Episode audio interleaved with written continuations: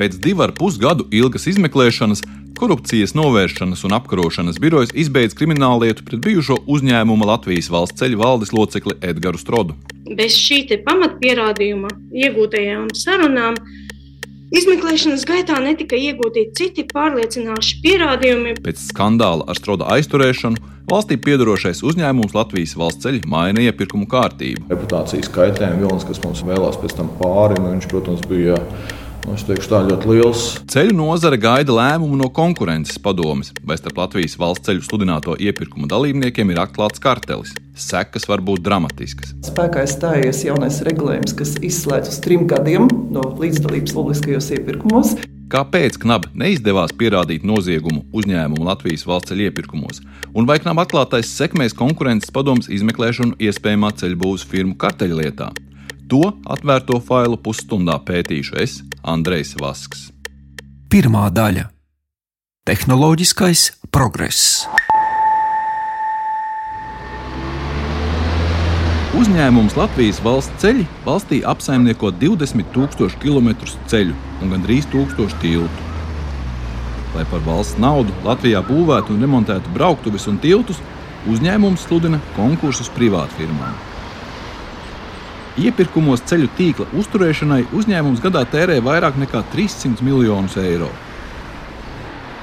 Lielākā nauda aiziet asfalta ieklāšanai un dzelzbetona konstrukcijām. Taču ar vien nozīmīgāku vietu Latvijas valsts ceļu saimniecībā ieņem elektrificētas sistēmas, ar kuru palīdzību uzrauga satiksmi. Tās ir ierīces, kuras monitorē situāciju uz ceļa, uzskaita satiksmi un dinamiski nosver transporta līdzekļus. Pie šīm sistēmām pieder arī apgaismojums, luksofori un video novērošana. Stāsta Latvijas valsts ceļu komunikācijas daļas vadītāja Anna Kononova.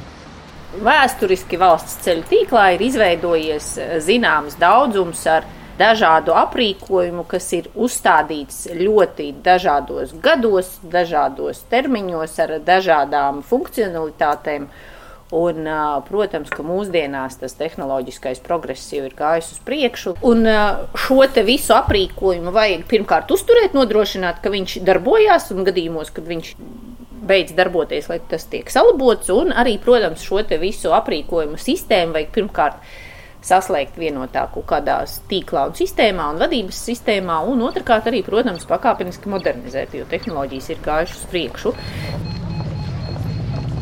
Senāk uzņēmums atsevišķi pirka luksuforu vai satiksmes uzskaitas sistēmas uzturēšanas pakalpojumus. Tā rāda Latvijas valsts ceļu iepirkumu saraksti, kuras ir publicējis iepirkuma uzraudzības birojas. Atsevišķos nelielos konkursos tas iegādājās sistēmas, lai mērītu brauktuves temperatūru un ierīces, lai noteiktu braukšanas ātrumu. Iepirkumu summas bija no dažiem desmitiem līdz vairākiem simtiem tūkstošu eiro. Pirms sešiem gadiem šī prakse negaidīti mainījās. 2017. gadā Latvijas valsts ceļi izsludināja vienu iepirkumu. Tajā bija iekļauti visi pakalpojumi, kas bija saistīti ar ceļu elektrificētajām sistēmām. Uzņēmums savā mājaslapā to paskaidroja šādi. Esošās iekārtas nav savienojamas vienotā sistēmā. Tās nav iespējams pārvaldīt un uzraudzīt attālināti, nodrošinot operatīvu servisu. Turklāt liela daļa aprīkojuma jau ir novecojusi un ir nepieciešamas investīcijas, kuras ir liederīgi plānot kopā ar vienotas pārvaldības sistēmas izveidi. Bez šādas vienotas sistēmas nav iespējams pilnvērtīgi izmantot mūsdienīgas IT iespējas, kā arī tiek neliederīgi izmantoti administratīvie un finanšu resursi. Tā izmaiņas iepirkuma stratēģijā skaidroja pats uzņēmums. Patiesībā tas nozīmē būtisku konkurences ierobežošanu. Konkursa nolikumā prasīto pieredzi un spējas varēja uzrādīt tikai pāris lielās kompānijas. Citi tirgus dalībnieki varēja piedalīties tikai kā apakšuzņēmēji, ja bija draudzīgi ar lielajām firmām. Triju gadu līgumam, lai uzturētu un attīstītu visu elektrificēto ceļu aprīkojumu, Latvijas valsts ceļi bija atvēlējuši 3,6 miljonus eiro. Konkursā pieteicās divi pretendenti. Viens bija lietuviešiem piederošā kompānija FIMA. Tā solīja darbus paveikt par nepilniem 3,5 miljoniem eiro. Otrs bija uzņēmums REK. Tas par saviem pakalpojumiem prasīja 8,5 miljonus eiro. Tas bija divi ar pus reizes vairāk nekā Latvijas valsts ceļi bija rēķinājuši. Ap iepirkumu bija daudz neparastu notikumu, kas radīja aizdomas, ka tas nenorit godīgi. 2018. gada sākumā konkurss nonāca mēdīju uzmanības lokā. Savu izmeklēšanu sāka TV3 raidījums nekā personīga. Pirms gada mēs Latvijas valsts ceļu nolēmām, ka turpmākos trīs gadus ar ceļu tehnisko aprīkošanu nodarbosies uzņēmums REK. Otra kompānija ar daudz zemāko cenu konkursā noraidīja. Pretendentam esot trūkus pieredzi, lai gan tieši ar šīs firmas apakšu uzņēmumu Latvijas valsts ceļi bija sadarbojušies 12 gadus. Raidījuma žurnālisti izpētīja, ka tā vietā, lai konkursu izbeigtu pārāk lielo izmaksu dēļ, uzņēmums Latvijas valsts ceļi darīja visu, lai darījums tomēr notiktu. Tomēr Latvijas valsts ceļi izvēlējās nevis iepirkumu pārtraukt, bet algot ekspertu. Tika piesaistīts Rīgas domas uzņēmuma Rīgas gaismu speciālists Edmunds Krēsle. Divu nedēļu laikā sagatavoja analīzi, ka Reiki iesniegtais 8,5 miljonu eiro vērtais piedāvājums atbilst tirgus situācijai. Taču tad izrādījās, ka Reika apakšuzņēmējiem SIA Internum Technologies ir nodokļu parāds, kas liedz saņemt valsts pasūtījumu. Arī šīs apstākļas Latvijas valsts ceļiem nebija šķērslis vienoties ar Reika. Tam ļāva apakšuzņēmēji nomainīt. Iepirkuma uzraudzības birojā sākās garš pārsūdzību process. Iepirkumu vairāk kārt apstrīdēja noraidītais pretendents uzņēmums FIMA. Iestāde divreiz Latvijas valsts ceļiem aizliedza slēgt līgumu ar uzvarētāju. Iepirkuma uzraudzības birojas arī pieprasīja mainīt konkursu noteikumus un vērtēt piedāvājumus atkārtoti. Tomēr ceļu apsaimniekotājs neatteicās no nodoma noslēgt līgumu ar REK. 2018. gada augustā, pusotru gadu pēc pirmā sludinājuma par šo iepirkumu, Latvijas valsts ceļi beidzot noslēdza 8,5 miljonus vērto līgumu ar REK. Tas bija iespējams, jo noraidītais konkurents FIMA nepārsūdzēja pēdējā iepirkuma rezultātus. Paralēli šim skandalozajam konkursam Latvijas valsts ceļi citā iepirkumā meklēja firmu, kas ar viedajām autovadītāju informēšanas sistēmām aprīkos ceļu via Baltika no Grenstāles līdz Ainažiem. Iepirkuma ietvaros uz ceļa bija jāizvieto elektroniskas ceļa zīmes, kas savienotas ar meteostacijām. Tas nozīmē, ka sliktu laika apstākļu gadījumā zīmes automātiski par to informē braucējus un samazina atļautu braukšanas ātrumu. Tas bija pārobežu projekts, par ko daļēji maksāja Eiropas Savienība. Arī šeit konkurenti bija tie paši uzņēmumi, REK un FIMA. Tie abi pusotru gadu cīnījās iepirkuma uzraudzības birojā. Beigu galā pirms pieciem gadiem pavasarī pie gandrīz 800 tūkstošu eiro vērtā līguma tika uzņēmums FIMA. Otrs pretendents, REK, atsauca savu pēdējo sūdzību iepirkuma uzraudzības birojā. Tas, ka REK atsauca savu sūdzību Vijā Baltika aprīkošanas iepirkumā un ļāva uzvarēt uzņēmumam FIMA, savukārt FIMA vairs neapstrīdēja rezultātus konkursā, kurā uzvarēja REK, radīja aizdomas, ka starp abām firmām varētu būt kāda vienošanās. Abas kompānijas jebkādu savstarpēju vienošanos noliedza. Ja tāda būtu, tas būtu smags konkurences likuma pārkāpums. Otra daļa - reputācija sačakarēta.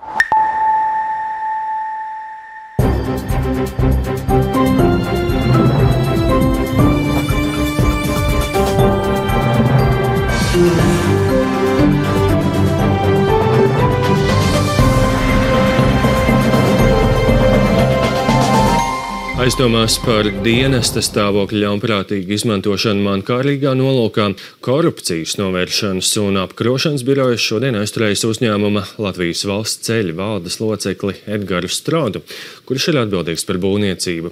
Līdz ar Strodu aizturēts arī uzņēmējs Armāns Zeihmans, tā liecina Latvijas televīzijas rīcībā esošā informācija un stāsta Vitāna Strate. Šodien korupcijas novēršanas un apkarošanas birojas aizturējis Latvijas valsts ceļu. Tā 2019. gada oktobra sākumā skatītājus informēja Latvijas televīzijas ziņu raidījums Panorāma. Edgars Strots uzņēmumā Latvijas valsts ceļi bija valdes loceklis, kurš atbildēja par iepirkumiem. Viņa paraksts ir uz gandrīz visiem iepirkumu līgumiem, kuru summas ir līdz daudziem miljoniem eiro. Informācija par darījumiem, kas bija par pamatu stroda aizturēšanai, toreiz bija skopa. Arī izmeklētāji neko vairāk neatklāja. Knaba aizturēšana tas bija pārsteigums. Es domāju, ka tas bija pārsteigums arī visiem Latvijas valsts ceļiem. Tā stāsta Jānis Langi, kurš laikā, kad pirms gandrīz četriem gadiem knaba aizturēja Strodu, bija Latvijas valsts ceļu valdes priekšsēdētājs. Pirms diviem gadiem viņš šo amatu atstāja un pat labāk ieņem galvaspilsētas izpilddirektora amatu Rīgas domē. Tur arī tiekos ar Jāni Langi. Tas vilnis, tas nu, teikšu, tā, reputācijas kaitējuma vilnis, kas mums vēlās pēc tam pāri, nu, viņš, protams, bija nu, teikšu, tā, ļoti liels. Pamatoties uz šo aizturēšanu, mēs arī veicām iekšējo auditu, ārējo novērtējumu, mainījām struktūru. Lange stāsta, ka iepirkumu daļa, kas uzņēmumā Latvijas valsts ceļi lemj par miljonu dalīšanu konkursos, pēc šī notikuma ir pakļauta valdes priekšsēdētājam, nevairs valdes loceklim. Tāpat ir veikts arī darījumu audits. Pēc Langas teiktā, uzņēmumā nesot zinājuši, par kādiem darījumiem krīt aizdomu ēnu. Mēs eh, arī sekojam līdzi tai publiskai informācijai, jo tā bija vienīgā informācija, kas bija mūsu rīcībā, kas izskanēja masu medijos. Tur bija, manuprāt, vēl viena persona minēta. Mēs pārbaudījām arī, vai viņai nav kāda saistība ar mūsu iepirkumiem, vai nav kaut kāda līguma bijuši, vai kaut kāda apakšu uzņēmuma. Un faktiski neko tādu mēs neatradām. Nu, vismaz manā rīcībā nav tādas ziņas. Bet skaidrs, ka nu, tas, ko es varu pateikt, manā izpratnē Latvijas valsts ceļš ir viens no prasīgākajiem, viens no nu, teikšu, profesionālākajiem pasūtītājiem. Un tā mūsu pieeja vienmēr bija bijusi tāda, ka mēs gājām uz standartizētiem nolikumiem, uz standartizētiem līgumiem. To, ka izmeklēšana varētu būt saistīta ar autoceļu aprīkojumu konkursu, vedināja domāt tas, ka otrā aizturētā persona bija uzņēmējs Armāns Zeihmanis. Kad desmit dienas pēc aizturēšanas žurnālists Matīs Sarnicāns un Latvijas televīzijas raidījuma de facto uzrunāja Zeihmani, viņš noliedza, ka būtu informēts par to, kas tieši knaba izmeklētājiem ir šķitis aizdomīgs. Edgara Stroda paziņu lokā var atrast vairākus ar būvfirmām saistītus cilvēkus. Kā pirmais jāmin uzņēmējs Armāns Zeihmanis, kuru knaba aizturēja vienā dienā ar Strodu. Labdien, kungs, Latvijas televīzija. Es gribēju dažus jautājumus saistībā ar jūsu pagājušās nedēļas aizturēšanu pavaicāt. Vai... Bijušā Rīgas mēra Gunara Bojāra padomnieku Zeikmani pašlaik tiesā korupcijas lietā par Mercedes autobusu pirkšanu Rīgas satiksmē. Zeikmanis iepriekš strādājis augstos amatos kompānijās, kas pieder ceļu būvniecības firmas Binders īpašniekam Armandam Garkānam. Binders ir viens no lielākajiem valsts ceļu pasūtījumu saņēmējiem. Arī Garkāns nesen pabija knabu tās augtās būvnieku kārteļu lietas ietvaros. Kā jūs arī labi zināt, es esmu parakstījies par informācijas neizpaušanu, tāpēc komentārus es, lai arī gribētu, diemžēl nevaru jums sniegt. -hmm. Bet to vai Stoda kungs jums ir kāda informācija par iepirkumiem nodevis? Es jau to jums atbildēju, ka man neko nav nodevis un es nevaru komentēt knāba izteikumu. Zeikmanis stāsta, ka Strodu pazīst apmēram 20 gadus, un ik pa laikam abi tiekas. Es sniedzu ar liecības, eh, kā saka, nabam. Tad tiekamies nu, labi, ja 4-5 reizes gadā. Un diez vai tik bieži tikšanās reizes var novest pie tā, ka Strods kungs man kaut ko nodos. Un par iepirkumiem nerunājot? Runājam par visādām kopējām eh, par tendencēm valstī, politikā. Iepirkumiem? Nē, kādā sakarā. Zeikmanis ir neviens draugs Strodam, bet viņam ir saites arī ar ceļu būvē ietekmīgo uzņēmēju Armandu Garkānu. Laikā, kad noslēdza skandalozo 8,5 miljonu vērto ceļu aprīkojumu uzturēšanas līgumu, Garkānam piederēja 40% uzņēmumā REK, kas bija uzvarējis aizdomīgajā konkursā. Pērn pavasarī, divi ar pus gadus pēc stroda aizturēšanas, Knaba noslēdza izmeklēšanu. Izmeklētāji nolēma kriminālu procesu izbeigt. Turpina knaba krimināla procesuālo izmeklēšanu pārvaldes priekšniece Anna Rumjānceva. Mhm. Tātad eh, konkrētais krimināla process 2022. Eh, gada 7. aprīlī tika izbeigts eh, konstatējot krimināla procesa likuma 377. panta Pirmajā un otrajā punktā paredzētos krimināla procesu nepieļaujošos apstākļus, ehm, proti, izdarītajā nodarījumā nav noziedzīgā nodarījuma sastāvā un eh, nav noticis noziedzīgs nodarījums.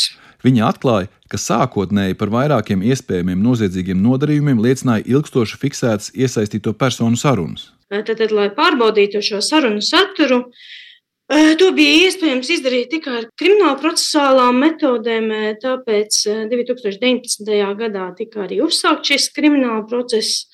Taču būtiskākais apstākļus, kas bija par pamatu krimināla procesa izbeigšanai, bija tas, ka bez šī pamatpierādījuma iegūtajām sarunām izmeklēšanas gaitā netika iegūti citi pārliecinoši pierādījumi, piemēram, liecības vai dokumenti, kas ļautu novest šo kriminālu procesu līdz sekmīgam rezultātam. Atbilstoši krimināla procesa likumam, ik viens gala nolēmums krimināllietās ir publiski pieejams. Es lūdzu Knabu ļaut iepazīties ar lēmumu par šī krimināla procesa izbeigšanu. Birojas man atsūta desmit lapušu garu dokumentu, kas ir anonimizēts. Personu vārdi ir aizvietoti ar burtiem A, B, C līdz pat burtam Z.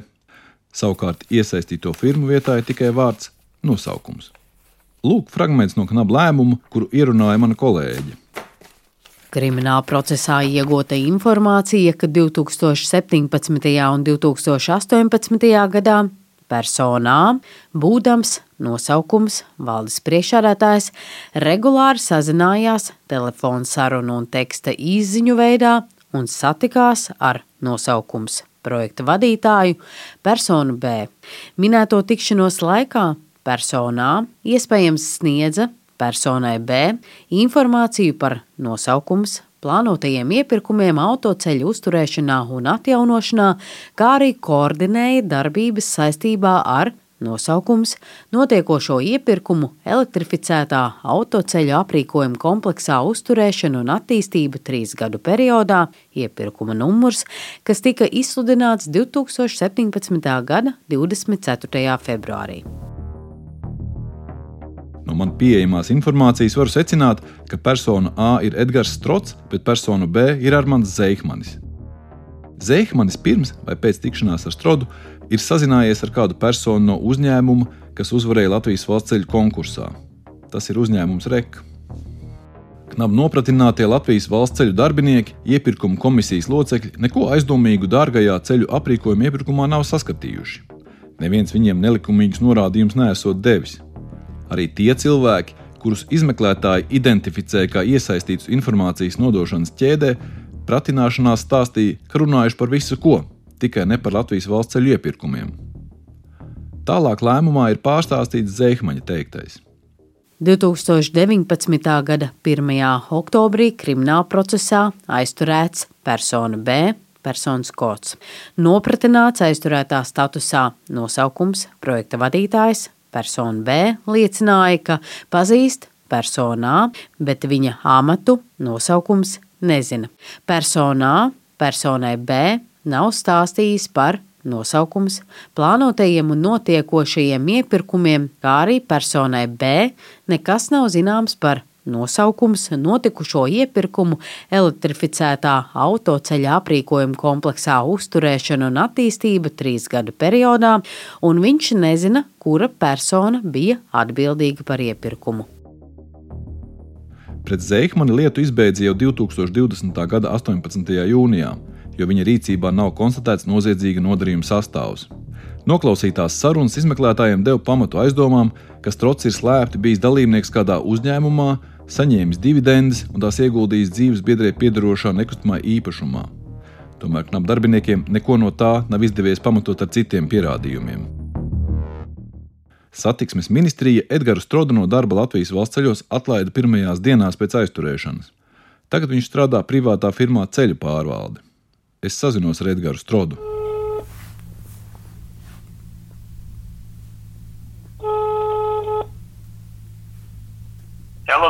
Labdien, vai tur būtu Strodakungs?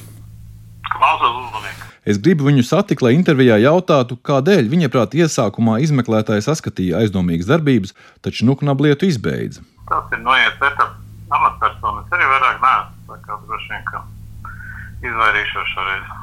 Bet nu kaut kādus prasību pret knabu esat sniedzis vai kaut kādus, lai kompensētu? Nu, nav jau īsti ko kompensēt. Ja var uzskatīt, ka viņi tā var rīkoties, viņi tā dara. Bet amatā jūs apakaļ neiesiet. Uh, nu redziet, tas ir reputācijas jautājums. Nu, es atklāt sakot, arī nemaz nevēlos. Un īstenībā ir tā, ka, nu, principā, ieņemt kaut kādus amatus valsts kapitāla sabiedrībās vai pašvaldības uzņēmumos vai kapitāla sabiedrībās, nu, ir viena no prasībām reputācijas jautājums. Nu, tā ir sačakarēta. Nu. Un kā to dabūt atpakaļ, to es nemaz nezinu. Bet, nu, es esmu pietiekami lielā vecumā, ka, nu, es par to jau vairs neuztraucos. Trešā daļa. Bija kļūda vai nebija? Uzņēmuma Latvijas valsts ceļi un firmas reka līgums par elektrificētā autoceļa aprīkojuma uzturēšanu un attīstīšanu beidzās 2021. gadā.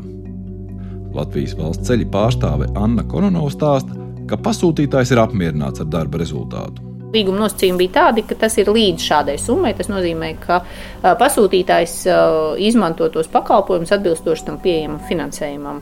Un kopumā tā līguma ietvaros tika izlietoti un ieguldīti 5,5 miljoni eiro ar PVN. Apmēram pusi no summas ir bijusi autoceļu aprīkojuma uzturēšanai, tātad tā ir ikdienas šī uzturēšana, un gandrīz 3 miljoni eiro ir ieguldīti modernizācijā. Tātad tā ir bija gan jaunu meteostaciju izbūve, manuprāt, divas bija izbūvētas, gan arī citu jaunu šo visu iekārtu uzstādīšanu un pieslēgšanu tai vienotajai sistēmai. Pēc apjomīgā līguma beigām Latvijas valsts ceļiem bija jāmeklē, kas luksusforus ceļu apgaismojumu un meteostacijas uzturēs turpmāk. Sākotnēji valsts uzņēmums izsludināja vienu apjomīgu konkursu, bet tad pārdomāja un paši to arī apturēja. Tā vietā Latvijas valsts ceļš sarīkoja atsevišķu konkursu luksusforiem, svēršanas iekārtām un apgaismojumam. Pamatā tam bija publisko iepirkumu likuma otrā panta izvirzītais mērķis - pasūtītāja līdzekļu efektīva izmantošana un maksimāli samazinot tā riskus arī iepirkuma. Un, ņemot vērā to, ka mums jau šī iepriekšējā līguma ietvaros bija izveidota šī kopējā vadības sistēma, mums bija iespēja tālāk prasīt pakalpojumus jau par konkrēti specifiskajām nu, šīm šī aprīkojuma kategorijām, var teikt. Ja? Un tāpēc viņas ir arī izdarītas tādās četrās kategorijās, un tur arī iepirkts. Un plus, protams, tas ir darīts lielā mērā tam dēļ, lai palielinātu šo konkurences iespēju. Vai tā netiek uzskatīta par kļūdu iepriekš, kad tomēr tika taisīts tas lielais iepirkums par visu, kur viss bija salikts iekšā? Kā to vērtēt? Es visticamāk nevarēšu pateikt, vai tā bija kļūda vai nebija. Tur, tur, tur ir speciālistiem jāvērtē.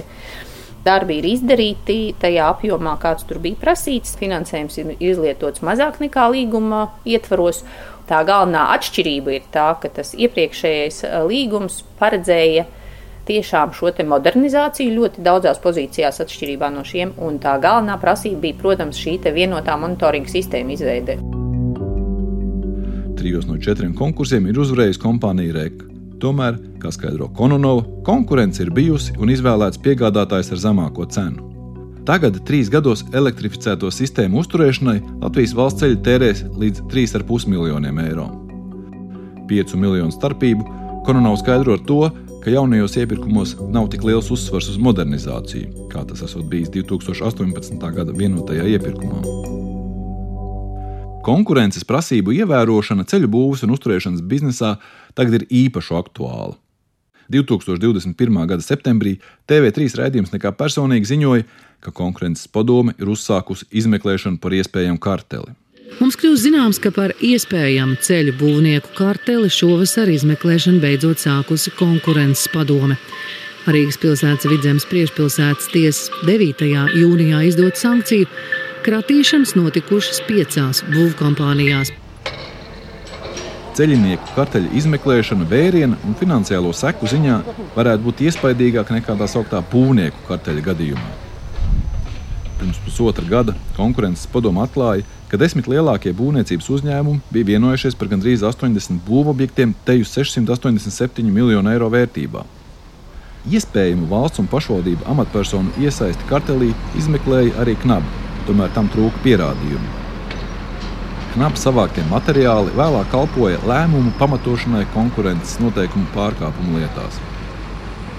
Nekā personīgi aprēķinājis, ka ceļu būvē sešos gados līdz karteļa lietas ierosināšanai kopējā konkursu vērtība ir 2 miljardi 367 miljoni eiro.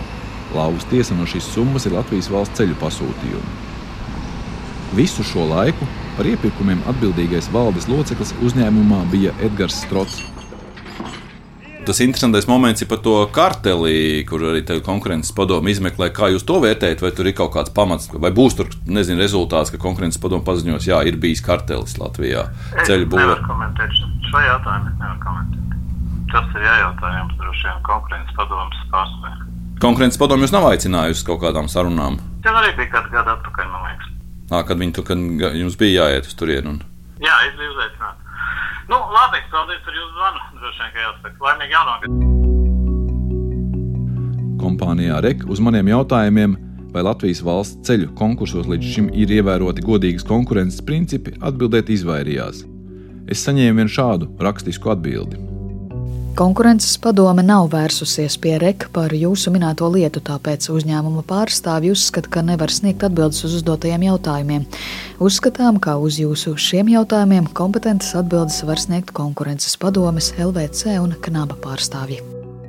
Konkurences padome nesniedz informāciju par izmeklēšanu, tāpēc pagaidām nav iespējams uzzināt, kuri darījumi tai šķiet aizdomīgi, un vai starp tiem ir Latvijas valsts ceļu 2018. gada līgums par autoceļu elektrificētā aprīkojuma uzturēšanu. Man ir zināms, ka knapi izbeigtās lietas materiālu, sarunu ieraksti un dokumenti ir nodoti konkurences padomes rīcībā.